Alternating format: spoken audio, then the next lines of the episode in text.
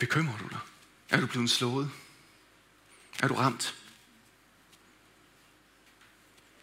Det kan måske lyde lidt kægt, når vi i det næste vers starter med at proklamere, glæd jer altid Herren. Jeg tænker, hvad i alverden har I gang i? Du kender da ikke min situation. Du ved da ikke, hvad jeg står i. Er det ikke lidt let købt, at Paulus han skulle sidde der og så proklamere, glæd jer altid. Ikke en gang imellem. Glæd jer altid i Herren. Jeg siger af dig. Det er ikke bare én gang. Og så lader jeres mildhed blive kendt af alle mennesker. Er jeg den eneste, der bliver provokeret af det her? Er det det, der er kendetegnet ved jeres liv? Mildhed og glæde? Og så kan vi egentlig gå igennem de forskellige bibelske tekster og vers, og så kan vi blive provokeret. Noget af det, vi kan med en af de åndelige discipliner, vi skal kigge på i dag, det er noget, der hedder studiet. Studie. At man til at dedikere tid til, til Bibel og til at finde ud af, hvad der egentlig står. Hvis man gjorde det med det her vers, så ville man finde ud af, at det blev skrevet af Paulus, mens han sad i Rom i fængslet og ventede på, at hans dødsdom egentlig skulle blive effektueret. Det er ikke let købt, det her. Det er ikke skrevet af en mand, som bare oplevede, at det var vidunderligt og det ene og det andet. Men det der med at tage sig tid nogle gange til at dykke sig, dykke sig ned i og så sige, hvor er det her skrevet hen? Hvad er konteksten? Hvad er situationen? Så vi får noget dybde med. Og ikke bare overfladet sige, ja, det er fedt nok, at vi kan glæde os. Men det her, det er skrevet af en mand, som sidder og venter på, at han skal dø. Han skal dø. Hvordan kan du og jeg midt i vores situation integrere, at vi kan være glade? Det er fordi glæden ikke findes i vores nutid. Og ikke glæden findes ikke i det, som er lige øh, umiddelbart omkring os. Og det er ikke det eneste i hvert fald. For jo, det skal vi også sætte pris på, og det skal vi også huske.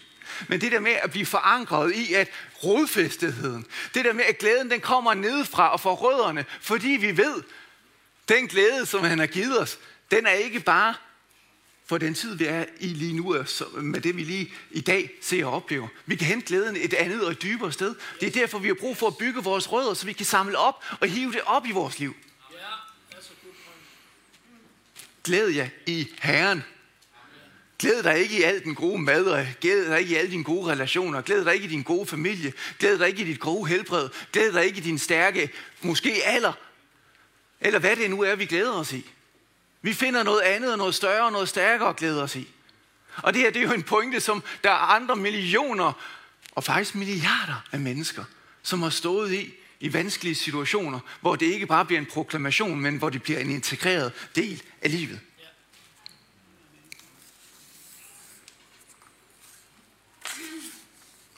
Vi er blevet enormt glade for sådan nogle quick fixes.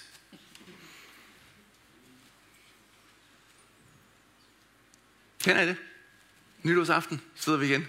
Tænker, hvordan i alverden kommer jeg hurtigst muligt i mål med det her? Hvordan bliver jeg hurtigst muligt sund? Hurtigst muligt slank? Hurtigst muligt med økonomisk overskud? Hurtigst muligt med gode relationer osv. Og så prøver vi at arbejde med de her ting. Hurtigst muligt. Mest effektivt. Lad os prøve at få skåret spildtid af. Når vi arbejder med det her tema, så prøver vi egentlig også at sige, jamen spildtid, er egentlig faktisk okay. Altså tiden er en tid. Vi skal være til stede i tiden. Vi kan ikke definere noget som spildtid og noget som er ikke spildtid. Men lad os prøve at tage tiden, som den er, og være til stede i tiden. I det, som vi prøver at være effektive, og det, som vi prøver så at sige, ja, det er måske ikke særlig effektivt, det her. Men lad os være i det. I stedet for, at vi går og banker os selv i hovedet hele tiden, i forhold til alle de ting, vi skal leve op til for at blive rodfæstet, er der også nogle ting, som tager tid. Et sundt rodnet tager tid at vokse. Og det er et lille skridt ad gangen. Og derfor skal vi heller ikke, når vi mislykkes i de ting, som vi er vel inspireret til, at vi prøver at eksperimentere med, ikke slå os selv i hovedet, når vi ikke lykkes. Åh, jeg får ikke bedt nok. Jeg får ikke fastet nok. Og det er faktisk nogle af de temaer, vi skal kigge på i dag. Jeg får ikke mediteret nok eller reflekteret nok. Jeg får ikke studeret Bibelen nok. Og så banker vi os selv i hovedet. Vores afsæt for hele det her, det er, at det ikke er i os selv. Bliv i mig. Det er Jesus igen, der siger det. Bliv i mig. Så nu er vi igen i det nye testamente, vi er Johannes evangeliet. Og jeg bliver ja. Ligesom en gren ikke kan bære frugt af sig selv, men kun når den bliver på vintræet, så kan I heller ikke, hvis ikke I bliver i mig. Jeg er vintræet, og I er grenene. Den, der bliver i mig, og jeg er i ham, han skal bære mig en frugt. For skilt for mig kan I slet intet gøre. Tilbage til det der med ankeret. Det er ikke ankeret i sig selv. Det er ikke troen i sig selv. Det er ikke rudnettet i sig selv. Det er hvad det hænger fast i, som egentlig er det vigtige. Og det er det, det, er det vi skal dyrke. Ikke disciplinerne for disciplinernes skyld. For hvem er også egentlig lide discipliner? Vi kan lide det, som det fører med sig. Og nu står vi inden for de her uger, hvor vi skal fokusere på det her. Og der er det meget godt, at man kan alliere sig med mennesker, som har brugt rigtig, rigtig meget tid på det her. Og øh, lige om lidt, så skal vi se en video. Og øh, videoen, den øh, introducerer egentlig øh, temaet, som vi har både i dag og de næste par gange. Øh, det er Lars Melland Hansen, som er teolog. Han er præst i øh, Horsens Valgmenighed. Han er gift med Bitten og har en toårig datter. Og så er han meget øh, optaget af de åndelige discipliner. Sådan det kontemplative og ignatistanske spiritualitet. Han er en del af Dansk Oase, og så bruger han rigtig meget tid på egentlig at arbejde det her med de åndelige discipliner. Og så kan det være, at du sidder og tænker, åh, oh, oh, nu skal vi være opmærksomme. Fordi når det hedder disciplin, så handler det om, at vi skal tage os sammen til en hel masse, og vi skal arbejde osv. Og så kan vi få sådan en lang checklist, inden vi går herfra med ting, vi egentlig skal leve op til, og så går vi herfra sådan her. Det er ikke den optik, vi har. Men lad os prøve at så se den her video, og så lad os lige prøve at få en intro til det, vi skal arbejde videre med i dag. Hej, Anders Frikirke. Her er det Lars fra Horsens, som har lavet et lille podcast om øh, de 12 åndelige discipliner, som I også skal til at have en om. Mit podcast det hedder Tag Form, og det er sådan en lille beskrivelse af hver af de her discipliner, med en hjælp til at komme i gang med at prøve dem af.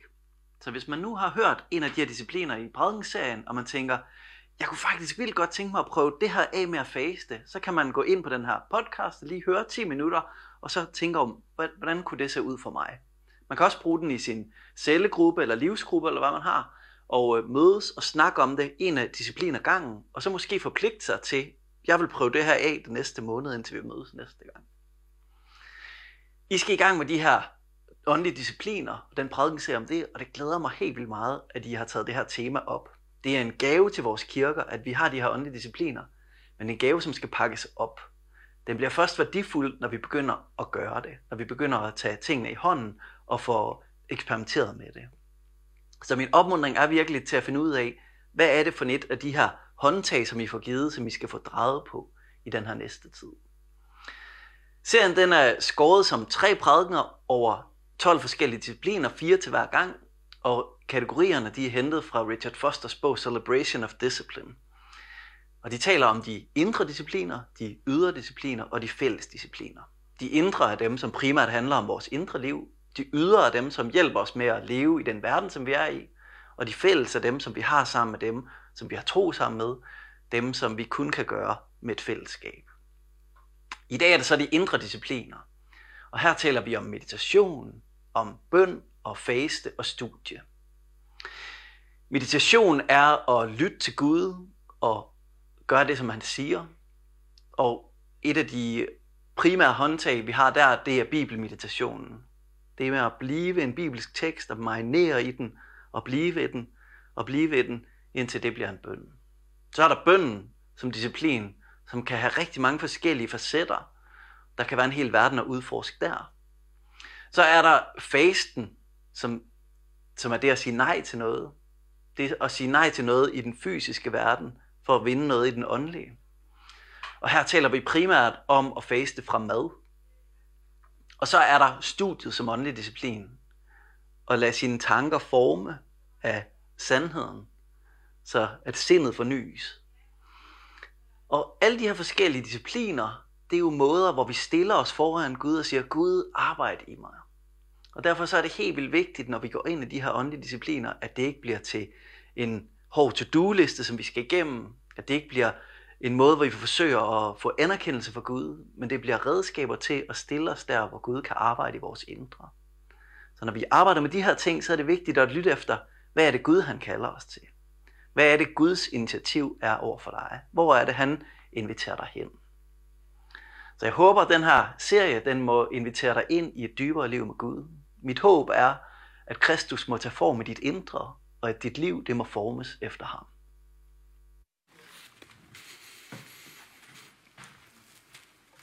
Tag form. Lad Kristus forme os. Det synes jeg er fedt. Og så kan det være, at du sidder og tænker, ja, men øh, nu var jeg jo en af de der kategorier, hvor at jeg hverken var troende eller, eller hengivet i forhold til min tro. Jeg vil bare sige, at for mig selv, så øh, blev det egentlig en beslutning om at dyrke de åndelige discipliner, som blev vejen til at vide, hvem Jesus han egentlig er. Og det kunne jeg godt tænke mig at så invitere dig med på og udfordre dig i. I forhold til at så sige, jamen måske kender du ikke Jesus. Måske proklamerer du ham bare. Øh, måske har du ikke nogen relation til ham. Og så tror jeg, at det her forløb også kan være noget af det samme. Jeg stod i en situation som 14-årig, efter en meget, meget trist øh, omstændighed, hvor en af mine rigtig gode kammerater, en af mine dumme øh, kammerater, Ian Frew, blev øh, dræbt af en krokodille. Jeg boede i Østafrika på det tidspunkt, så det var ikke nede i Randers Regnskov. Øh, trist, tragisk. Men øh, nogle gange så kan man bruge en enorm smertefuld begivenhed til at egentlig at vende sig. Det der med at omvende sig, det er det, som Bibelen egentlig fortæller, at nu vender man sig fra en vej, og så begynder man at gå en anden vej. Og øh, ja, mine øh, omgivelser, der var flere, som var øh, troende, og forældre, der var troende, og det ene og det andet, men det der med, at det blev ens eget, det var faktisk det, der skete på det tidspunkt. Vi så sagde, jeg gider ikke at leve mit liv på en løgn. Jeg gider ikke at lade som om, at man skal være kristen, eller der er en Gud, hvis ikke jeg selv har en oplevelse af, at det er sandt det her. Og det vil jeg egentlig gerne anbefale til enhver. Lad være med at leve jeres liv på en løgn. Gud han er stor nok til at blive udfordret. Og der stod jeg som 14-årig, og så skældte jeg ud på Gud i forhold til, hvordan i verden han kunne tage en kammerat fra mig. Jeg sagde, vis dig for mig, hvis du virkelig er virkelig. Og så tænkte jeg, nu kommer der noget ned fra himlen, og så smadrer mig fuldstændig. Der var stille. Så han mødte mig nok ikke på den måde, som jeg selv havde tænkt. Men der satte jeg mig som 14-årig i det mål at sige, det næste halve år, frem til den 17. juli, jeg tror det var der, vi gik på, øh, vi afsluttede vores skoleår. Det her, det var i februar. Jeg kommer til at bede, og jeg kommer til at læse i min bibel. Hver dag det er halvår. Med en forhåbning om, at du viser dig for mig. At du er sand. For jeg gider ikke at leve mit liv på en løgn. Jeg gjorde det det halvår. Og det mest mirakuløse, der nogensinde er sket i mit liv, det er, da jeg så og kiggede mig selv i spejlet den 17. juli samme år. Der var jeg ikke i tvivl. Der var jeg blevet troende. Der har jeg fundet ud af, at han var virkelig. Og det han havde lovet, og det han havde sagt, det holdt. Og det har været sådan et rodfæstethed i mit liv. Husk nu, du kan ikke bygge en rodfæstethed på en historie, du har for alle mulige andre. Det bliver nødt til at være din. Det bliver nødt til at være os selv, der søger derhen, hvor vi får den der oplevelse, eller hvor vi får den der overbevisning om, at det her det er sandt. Der er ingen af os, der skal leve vores liv på en løgn. Lad os nu være ægte. Lad os nu være sande i det her. Og det gør jo også, at når vi ser kigge på discipliner, så handler det ikke om, at vi får succes, hvis vi overholder så og så mange af dem. Nej, her handler det om, at der er noget, der er grundlæggende på plads. Det er, at vi er elskede ligesom vi er.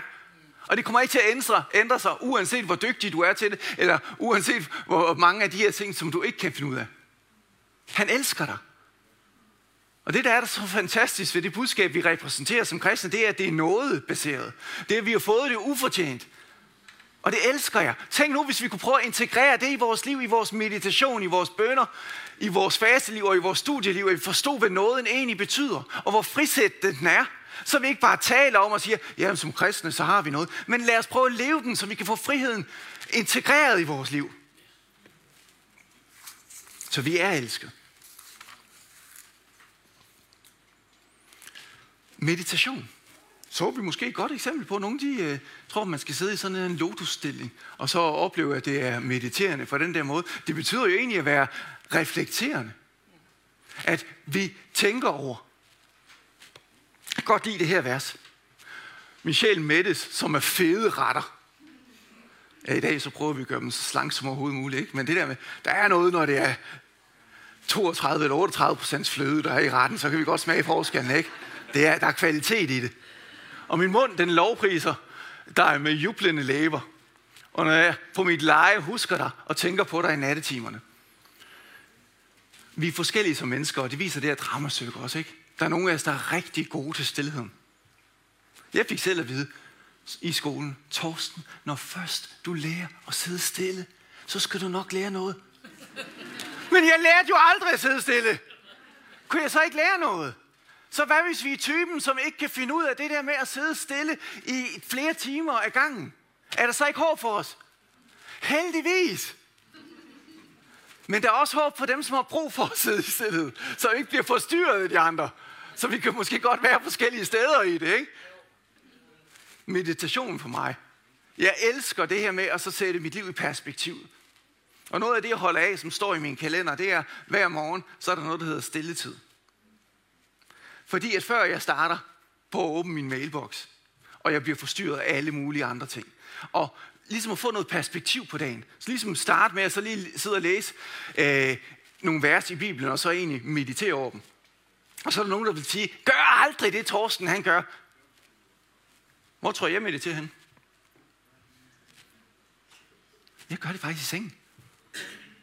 Jeg starter om morgenen, og det er fantastisk, når det er mobiltelefon. Der er lys på det hele. Jeg kan sidde, og så kan jeg læse. Så kan jeg lige slå den fra. Så kan jeg lægge og meditere og bede. Nogle gange så lægger jeg i sengen, nogle gange går jeg op. Men for mig, så handler det om, at ikke måden, vi gør det på, men at vi skaber anledningerne. Fordi lige pludselig perspektivet, når jeg åbner mailboksen, og jeg kan se, der er så meget, jeg skal forholde mig til. Der er så mange udfordringer. Der. Så er der perspektiv. Fordi hvor små er de udfordringer i forhold til det store? Og det fungerer rigtig godt for mig. Meditation. For eksempel Ignatius af Loyola, som var stifter af jesuiterne. Altså, vi skal egentlig mange år tilbage. Han øh, gjorde det, at han egentlig gav sådan en god refleksionsmetode videre til sine disciple, som fulgte ham, som jeg synes, der er enormt fascinerende. Måske ikke selve begrebet, for det associerede vi måske også med noget negativt. Det hedder eksamen at hver dag skal vi til eksamen. Men eksamen betyder egentlig at, at udforske og få øje på Gud i vores liv. Så at det man egentlig forpligtede sig til, det var enten øh, både til middag og aften, i hvert fald minimum som aften, at man kigger tilbage på dagen, som der er gået, og så leder efter, hvordan har Gud egentlig været til stede? Og så begynder man at tælle sine velsignelser. Simpelthen, hvor henne er der sket noget godt? Lad mig prøve at så nævne det og benævne det smukke eller det gode, som har været i øjeblikke. Det kan jo godt være, at det er elendigt, at man sidder ved et dødsleje og alt muligt andet, som kan være overvældende. Jeg har siddet der, og jeg har stået der. Så det er heller ikke letkøbt, det jeg siger. Men der kan du også få øje på Guds virke, hans nærvær og hans omsorg, hans kærlighed, og det smukke, som er i livet, også i de svære situationer. Men husker vi at fange dem op? Så det der med eksamen og sidde og kigge tilbage, fantastisk. Bliv opmærksom på Guds nærvær. Tæl velsignelserne. Og vær ops på dine følelser. Dine følelser i forhold til det her. Og så udvælg dig en af dagens oplevelser. Og så tænk over den, og hvad den har af betydning. Og så som det sidste, så tænk over, med håb i forhold til, at Gud han vil også være med dig i morgen. Det kan være nogle små praktiske ting. Andre de er rigtig glade for retræter, og at man tager afsted. Og så tager man to dage, fire dage, en måned. Jesuiterne, de lagde op til en måned. Måske er det ikke muligt. Måske er det den enkelte dag, som du tager afsted. Eller hvor du isolerer dig, eller hvor du er sammen med nogle andre, hvor I mediterer med afsæt i noget. Og det der med, at man marinere, som der var det her udtryk, som Lars brugte før, at man marinerer i Guds ord. Der er et eller andet, som man, man, man, man kigger på. Og det kan jo godt være, at man kombinerer det med udstrækning om morgenen. Eller om eftermiddagen. Og det er fantastisk. For så kan man også prøve at tænke på, at man integrerer det i hver eneste celle, mens man strækker ud. Jeg elsker at gøre det, mens jeg træner. For jeg sidder og tænker på, at det skal ind i hver eneste celle, og blodet, som egentlig flyder ud med ild til hver eneste celle, der skal sandheden ud. Vi kan gøre det på mange forskellige måder, om det er at gå turene, med hunden, eller alene, eller hvad det nu er, som vi integrerer i vores liv. Det kan være det der, hvor du sidder i det stille rum, og hvor du mere med den der Christfulness, eller mindfulness, sidder og reflekterer over at være nærværende i dit eget liv. Og jeg kan godt lide egentlig, at jeg bare sidder og mediterer nogle gange over nogle sætninger fra Bibelen. Og det, der fylder lige nu hos mig, det er, Jesus er. Hmm. Hvad er Jesus? Jesus kan. Hvad kan Jesus? Jesus vil. Og lige nu, så er det bare de her tre øh, små øh, sætninger, som egentlig bare sidder, og jeg sidder og tænker over og reflekterer over. Hvem er han? Hvad kan han? Hvad vil han? Og andre gange, så er det et vers, man sidder og bare tænker over igen og igen. Bøn.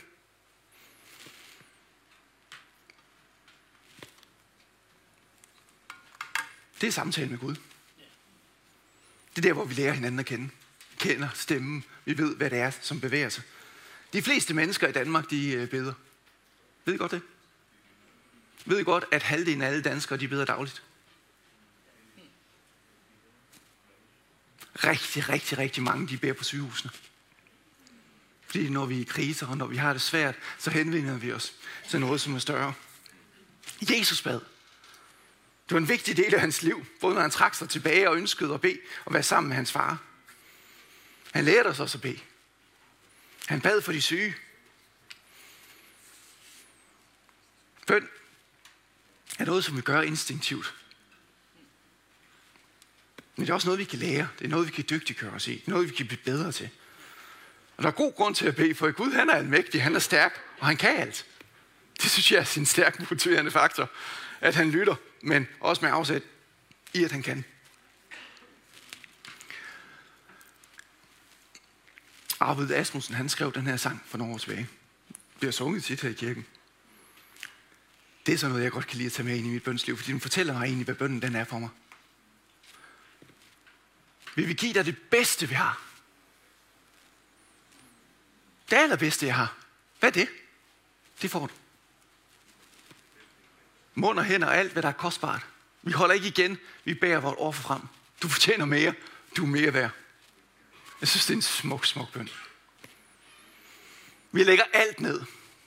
Alt ned for dit kors. Udstrakte arme tager imod os. Men vi giver os også det aller værste. Vi giver også alt det værste fra os. Mørke hjerter, nye sår, gamle ar. Det er det glædelige. Det er det smertefulde. Alt, hvad der kan være i den relation. Det er den kontinuerlige dialog. Det naturlige fællesskab, som udvikler sig, når vi bare taler en masse sammen. Nogle ser det som en forbandelse, at man skal køre rigtig lang tid på arbejde. Jeg ser det som en af de største glæder i mit liv. De der 65-70.000 km om året. Sikkert er en glæde. Fordi ellers ville det være spildtid. Men tænk, hvis du kan integrere nogle af de der ting, som der er rutiner for dig, hvor du bare sidder, er det spildtid? Er det spild af tid? Det er jo tid, hvor du har til at kunne være i dialog med Gud, og til at kunne egentlig komme tættere på, og til at kunne netop marinere i nogle af de her ting. Kan vi se gaver, som egentlig andre de ser som forbandelser? Kan du se nogle af dine rutiner, hvor du egentlig får dem integreret til at være et plus i dit liv?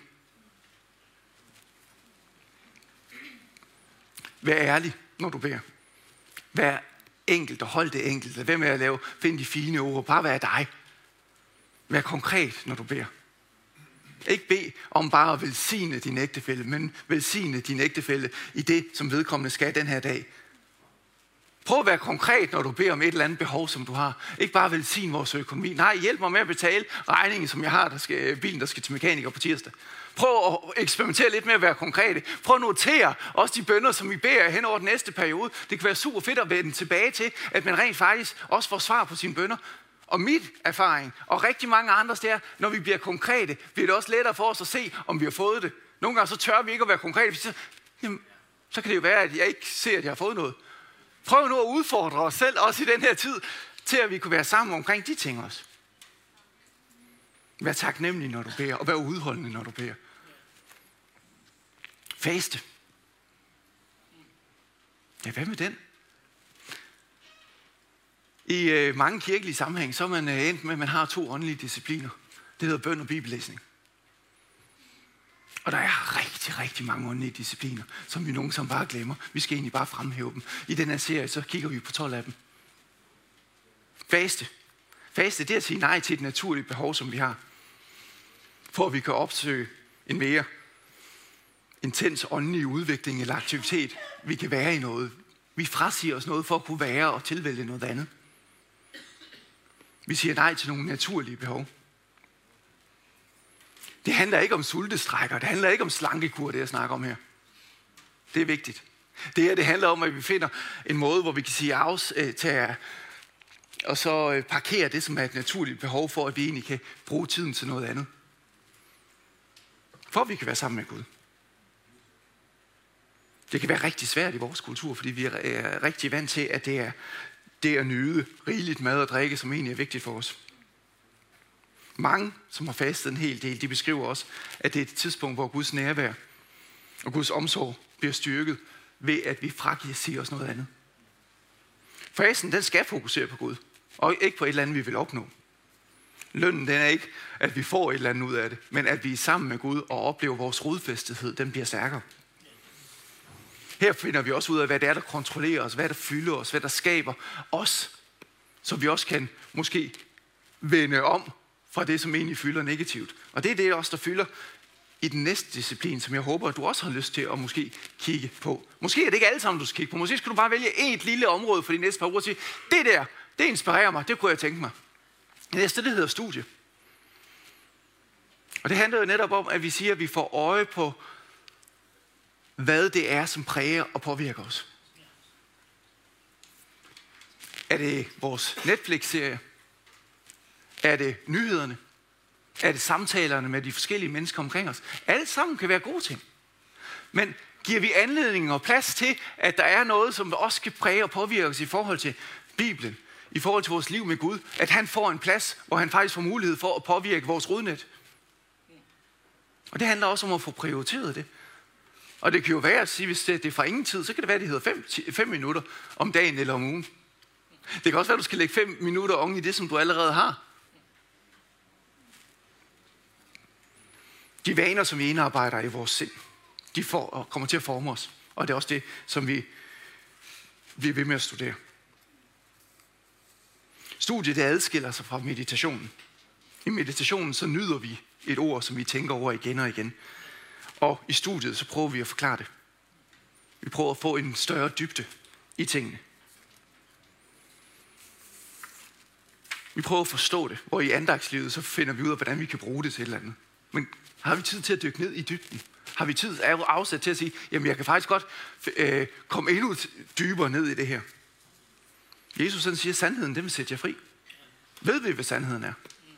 Alt, hvad der er sandt, og der er ædelt, og hvad der er ret, og hvad der er rent, hvad der er værd at elske, hvad der, er, hvad der er talt godt om. Det gode, det rosværdige, det skal I lægge jer på scene, men hvordan i verden får vi det på scene, hvis vi ikke ved, hvad det er?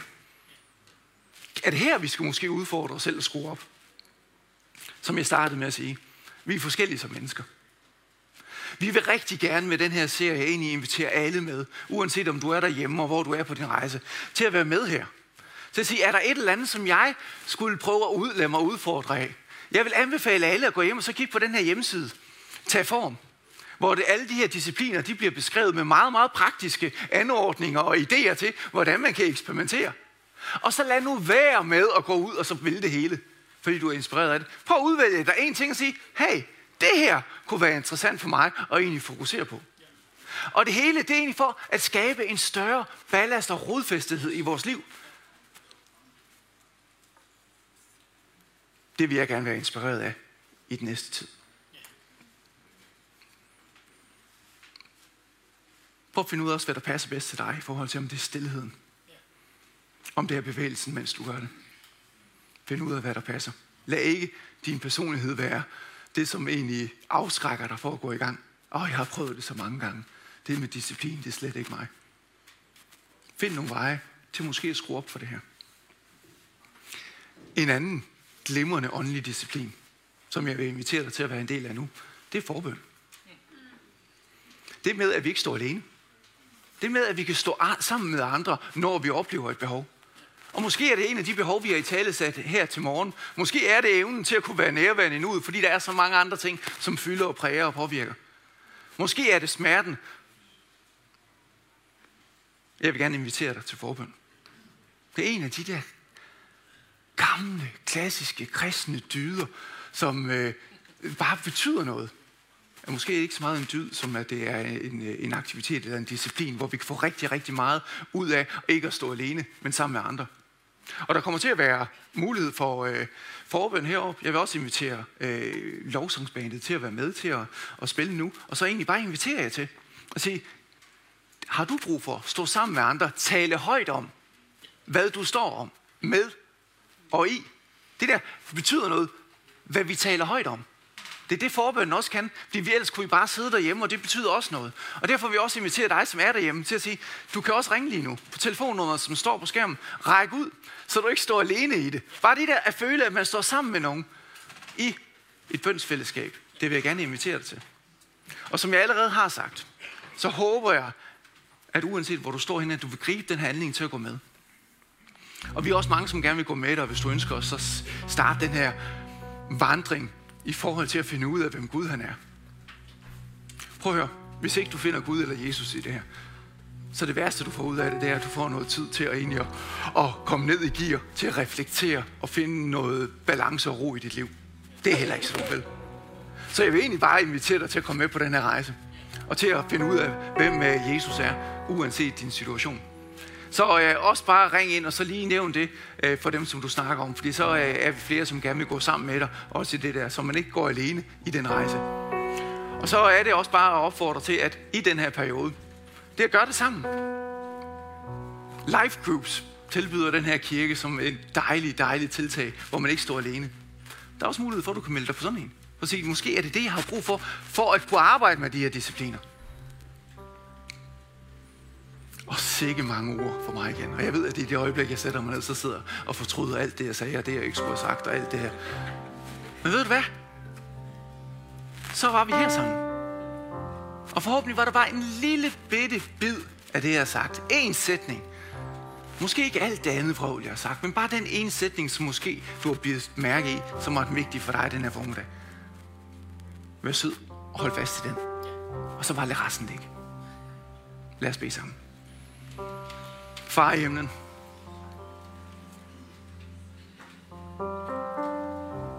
Du kender os. Den engel, som sidder derhjemme i stuen, eller den engel, som er her. Du ved, hvad vi har med os. Du ved, hvad vi står med. Og i.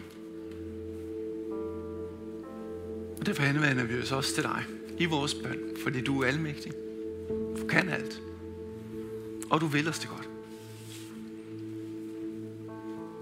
Mød os i vores spørgsmål, i vores tvivl, i vores kampe. Hjælp os i den her næste periode også tur til små skridt, hvor vi kan få lov at være tættere på dig. Opdage din vilje for os. Din kærlighed til os. Velsign hver eneste. I Jesu navn. Amen.